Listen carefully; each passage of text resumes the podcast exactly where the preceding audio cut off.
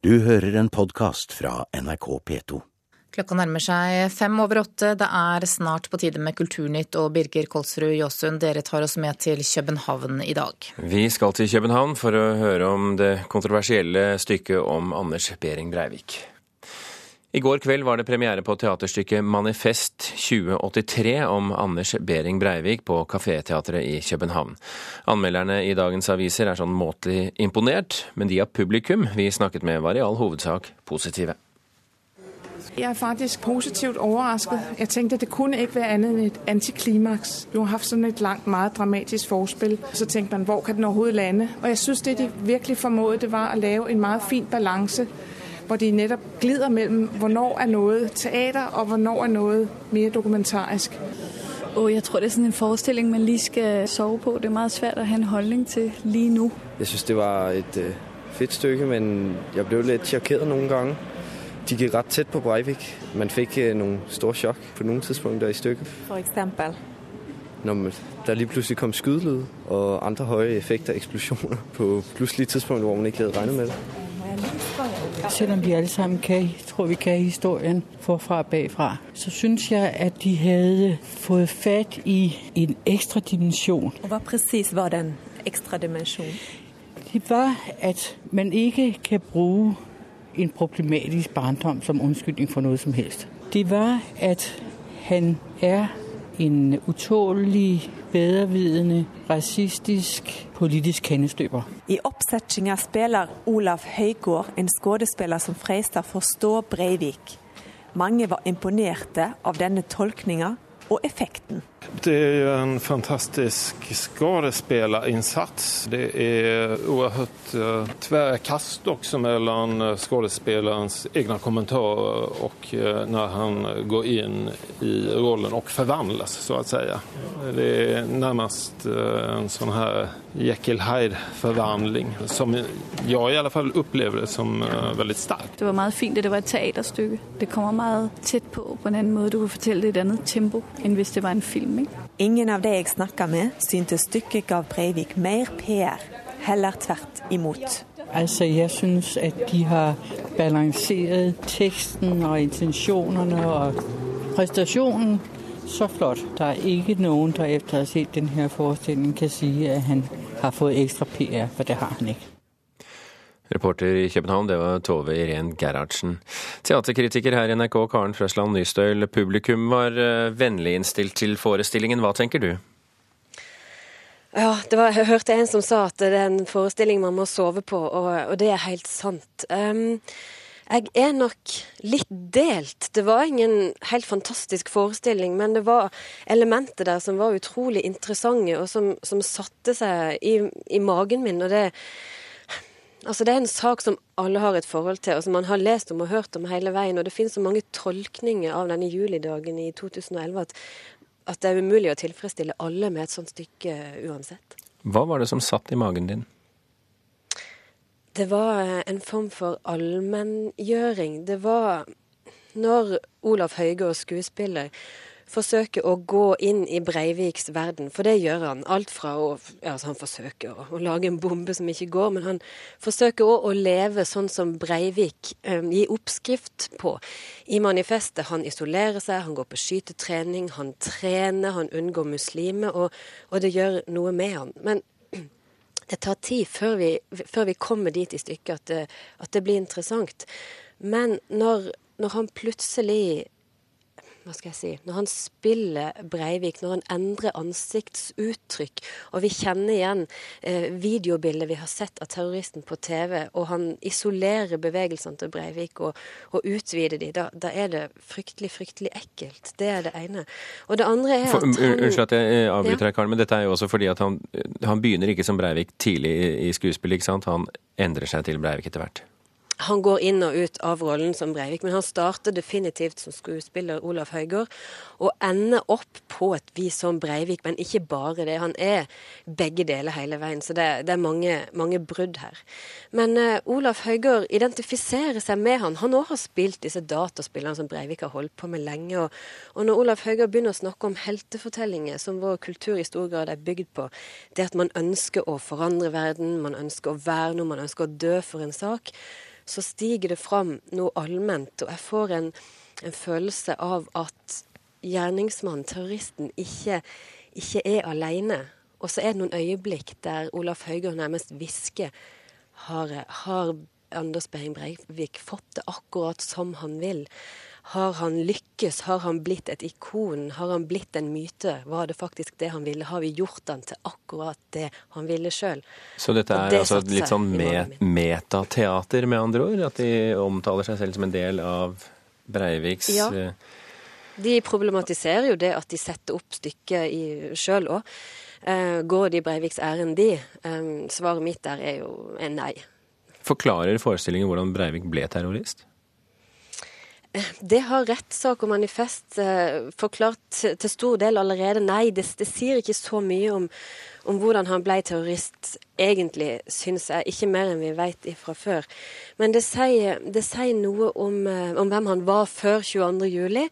Og så sier forestillinga faktisk veldig mye om hvem mediene og hvem vi gjør han til etter 22.07, og hvem vi lar han fortsette å være. Og her syns jeg forestillinga er inne på noe viktig. Det er ikke en forestilling som er bare god. Det er, det er en del dårlige episoder, dårlige scener og mange brudd man ikke helt klarer å nesten følge med på. Men akkurat her så er de inne på et punkt som er interessant. Hvem lar vi han være nå? Og eh, det vi lar han være nå, er det en del av hans ønske og plan? Du har tidligere sagt her i Kulturnytt at eh, Manifest 2083 kan være et av årets viktigste stykker. Ble det så viktig som du hadde håpet? Tja, eh, jeg er faktisk ikke helt sikker. Jeg tror det må synke litt lenger inn. Eh, stykket har så mange lag og så mange fasetter, men det er ikke det beste stykket jeg har sett. Det er inne på noe, men jeg syns det er et stykke som, som trenger bearbeidelse. Um, det er ikke helt ferdig, syns jeg. Men de, de, er på en vei. De er på en vei til noe viktig. Men det er ikke et stykke med bare sterke sider og sterke punkter. altså. Karen Frøsland Nystøl, takk for at du var med oss fra København og på Morgenkvisten. Tidligere sjef for Kvartfestivalen i Kristiansand kjemper nå mot fengsel. Arild Buli er i tingretten i Kristiansand tiltalt for brudd på regnskapsregler, manglende innbetaling av skatt og moms og forsøk på grovt bedrageri. Han nekter straffskyld på alle punkter. Astrup Fearnley-museet har fått et svensk oljeselskap som hovedsponsor, men Lundin Petroleum har blitt anklaget for en rekke kriminelle handlinger. Pinlig for Norge og Astrup Fearnley, sier svensk journalist som har skrevet en kritisk bok om Samtidsmuseets nye hovedsponsor. Jeg syns det er pinsamt. Jeg reagerer på at en, at en kulturinstitusjon som skal stå for noen sorts menneskelighet og menneskelige verden, tar emot pengar från ett bolag som har varit så djupt inblandat i eh, motsatsen kan man si, i affærer. Journalist Kjerstin Lundell har skrevet boka 'Affærer i blod og olje' om det svenske Lundin Petroleums virksomhet i Afrika. Hun viser bl.a. til rapporten Unpaid Dept av nettverket Ekos, som slår fast at oljeselskapet skal ha medvirket til krigsforbrytelser under kampen om et oljefelt i Sudan mellom 1997 og 2003. Svenske påtalemyndigheter forbereder nå en undersøkelse av Lundins tilstedeværelse i Sudan. Massemord, voldtekt og rekruttering av barnesoldater skal ha blitt brukt som verktøy da de internasjonale oljeselskapene ønsket å etablere seg i området. Så anlitet företaget eh, sudanesisk militær og milis som brente byer, de egnet seg åt massvåldtäkter, de mördade mennesker. Sammenlagt kan 12 000 mennesker har dødd pga. Lundins virksomhet. Men eh, Lundin er ikke dømt for noe? Nei, de er ikke dømt. Det tar kjempelang tid å utrede sånne her saker. Det er veldig veldig svårt bevislege. Men en forundersøkning pågår i alle fall. Så jeg syns nok at uh, her, det her museet ikke skal ta imot sponsorpengene alls. Jeg syns nok at uh, beläggen för att företag har varit innblandet på ett djupt omoraliskt sätt är tillräckligt goda för att man inte ska behöva vänta på vad en domstol eh, säger. Dette er en stor dag. Her, ytterst på I september åpnet dronning Sonja det nye Astrup Fearnley-museet i Oslo. Oljeselskapet Lundin skal bidra til å sikre museets framtid, med et millionbeløp hvert år. Museumsdirektør Gunnar Kvaran kjente ikke til påstandene om medvirkning til krigsforbrytelser. Nei, det kjente vi ikke til. Vi hadde aldri hørt om det. Selvfølgelig så er det en overraskelse når man hører slikt, men dette er foreløpig bare rykter i vårt sammenheng. Vi holder oss nå først og fremst til Lundin i Norge. Og vi forstår at dette er et respektabelt firma. og Norge. Kvaran sier at han ikke tenkte på å undersøke den internasjonale virksomheten til Lundin før han inngikk en sponsoravtale, men at han nå vil sjekke anklagene mot selskapet. Det er absolutt noe som vi må se på og, og se videre på, helt klart. Lundin Petroleum har tidligere avvist anklagene. I en e-post til NRK skriver Lundin nå at undersøkelsen som svenske myndigheter gjør av selskapet, handler om tidligere virksomhet i Sudan for mer enn ti år siden, og at selskapet ønsker undersøkelsen velkommen og kommer til å bistå med informasjon som kan bringe klarhet i det som skjedde. I dag har selskapet omtrent 80% av virksomheten i Norge, og de ønsker gjennom å sponse Kunstmuseet å gi et bidrag til norsk kultur. Det sa vår reporter Ida Kvittingen, og du kan lese mer om denne saken på nrk.no. Først så skal vi til eh, det franske datatilsynet, som i dag kommer til å be søkemotorgiganten Google avsløre hva det egentlige innholdet er i de kontroversielle endringene de gjorde i brukernes personlige vilkår nå i mars. Den britiske avisen The Guardian mener vi bør bekymre oss for hvordan Google bruker digitale spor som du og jeg legger igjen på internett. Grunnen til det er jo at Eh, vi egentlig ikke vet hva eh, Google bruker disse opplysningene til. 1.3 eh, i år så slo Google sammen personopplysninger, eller personopplysningene som de har samlet inn på alle tjenestene sine, til én stor haug. Og Google er jo ikke bare en søkemaskin.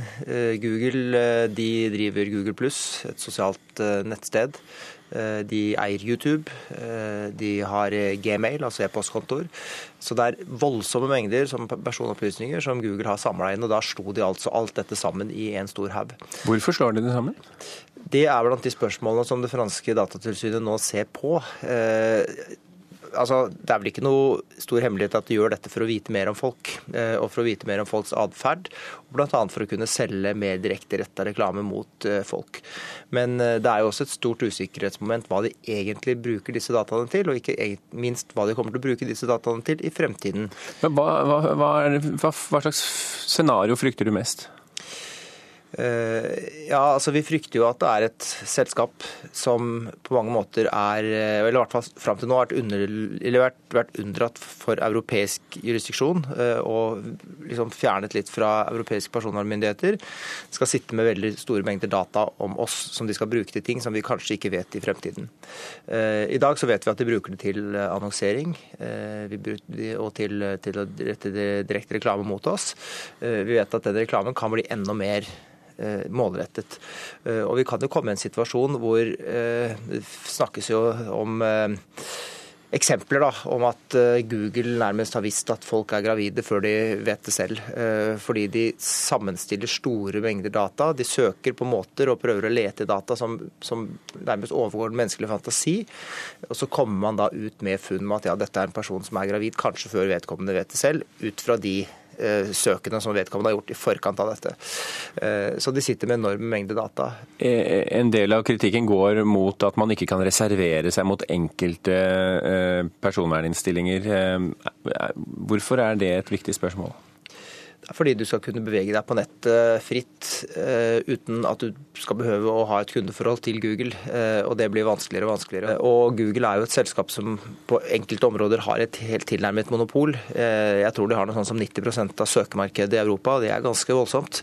Så vi ser jo også at konkurransemyndighetene begynner å nærme seg dette nå, og se om det faktisk blir en Google-sak, sånn som vi hadde en Microsoft-sak eh, for en del år siden, eh, fordi et selskap får en for stor og dominerende eh, posisjon i markedet. En advokat i lobbygruppen ICOMP som er kritisk da, til Googles strategi, sier til, til, The Guardian at det vil være like lett å få Google til å endre reglene som å gjøre eggerøre om til egg igjen. Er det så vanskelig? Det tror jeg ikke. Eh, når de klarer å slå dette sammen, så klarer de sikkert å splitte det opp igjen, hvis det er det franskmennene kommer frem til. Eh, men eh, det får vi se i løpet av dagen. Så er det sagt at det skal komme en pressemelding fra det franske datatilsynet. De, for det er de som har fått i oppdrag å granske denne saken på vegne av si, det europeiske personvernfellesskapet.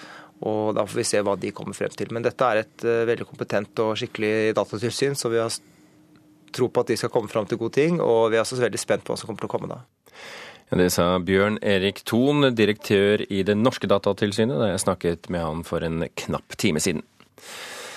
Grimstad bibliotek går som et av landets første nye veier for å skape leseglede og trygghet hos barn og unge. De har ansatt en terapihund som barna kan lese høyt for. I går ettermiddag hadde kongepuddelen Molly sin første dag på jobb.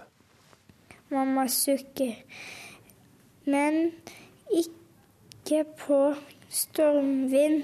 Ta kveldsstjerna. Ni år gamle Helene Friis Pedersen sitter i et lite rom på Grimstad bibliotek og leser høyt fra boka 'Drømmehesten' av Marliese Arold. Men hun er ikke alene. Ikke derfor Særlig lille ulv. Ved siden av henne ligger Molly, en fire år gammel kongepuddel. Hvit, lodden, mjuk og varm.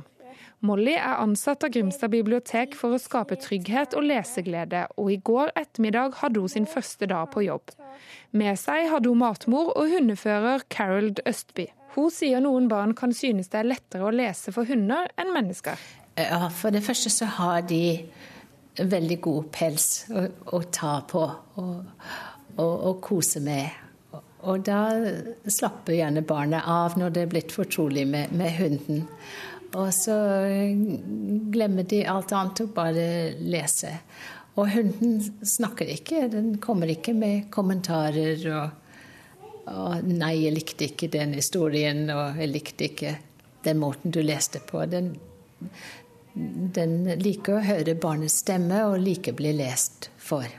Og det tror jeg barnet skjønner. Det vil forhåpentligvis bli en lyst betont stund og motivere barn til å lese til å like å lese. Molly er trent til å ligge rolig med hodet i barnas fang, og til å holde fokus. Når barnet er ferdig med å lese det stykket de vil lese til henne, så kan hun sette poten på boken der hvor de uh, har nettopp lest.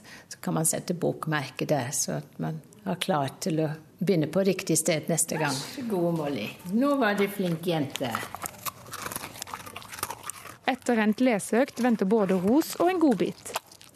For ni år gamle Helene Friis Pedersen var det en fin opplevelse å lese for Molly. Hun hadde hodet på fanget, og så satt hun veldig stille. Er det sånn at du synes det var gøyere å lese for eh, Molly enn for andre? Ja. Hvorfor det? Fordi da slapper man mer av enn å lese for hele klassen. Hver mandag kan barn i Grimstad lese for terapihunden på biblioteket, sier bibliotekar Ingelin Skaufjord. Og vi er veldig spent på fortsettelsen. Nå er hun fullbooka tre uker framover. vi tar tre på gang, en gang, ca. 20 minutter, for hun skal ha liten pause. Det er konsentrasjon for Molly, så hun må ha pause. Akkurat på biblioteket så skal ikke vi drive med terapi. Vi skal bare gjøre noe hyggelig. Og kanskje gjøre noe Det her er jo spennende i norsk sammenheng. Vi vet ikke om noen andre bibliotek som driver med det. Så vi vil gjerne at barn skal komme og bli glad i å lese, bli glad i hunder, bli glad i biblioteket. Etter hvert er planen at Molly også skal hjelpe elever i barneskolen. Ifølge skolebibliotekar Olaug Sæteren skal spesialpedagoger plukke ut elever som kan ha nytte av å lese høyt for Molly. Og Da eh, vil en gå til de elevene og så gi de et tilbud om dette her. Så det blir mye mer målretta. At en kan bruke det som et læringsmiddel i skolen. Molly skulle egentlig hatt sin første arbeidsdag for to uker siden. Men det er ting selv ikke en veldressert terapihund kan kontrollere. Da fikk Molly løpetid. Og Molly, Molly lesehund skal ikke jobbe over lesetid. Løpetid. Hun skal være helt konsentrert om jobben sin. Forskjell på lesetid og løpetid, altså. Bibliotekar Ingelin Skaufjord hørte du til slutt her. Reporter i Grimstad, det var Miriam Grov. Du har hørt en podkast fra NRK P2.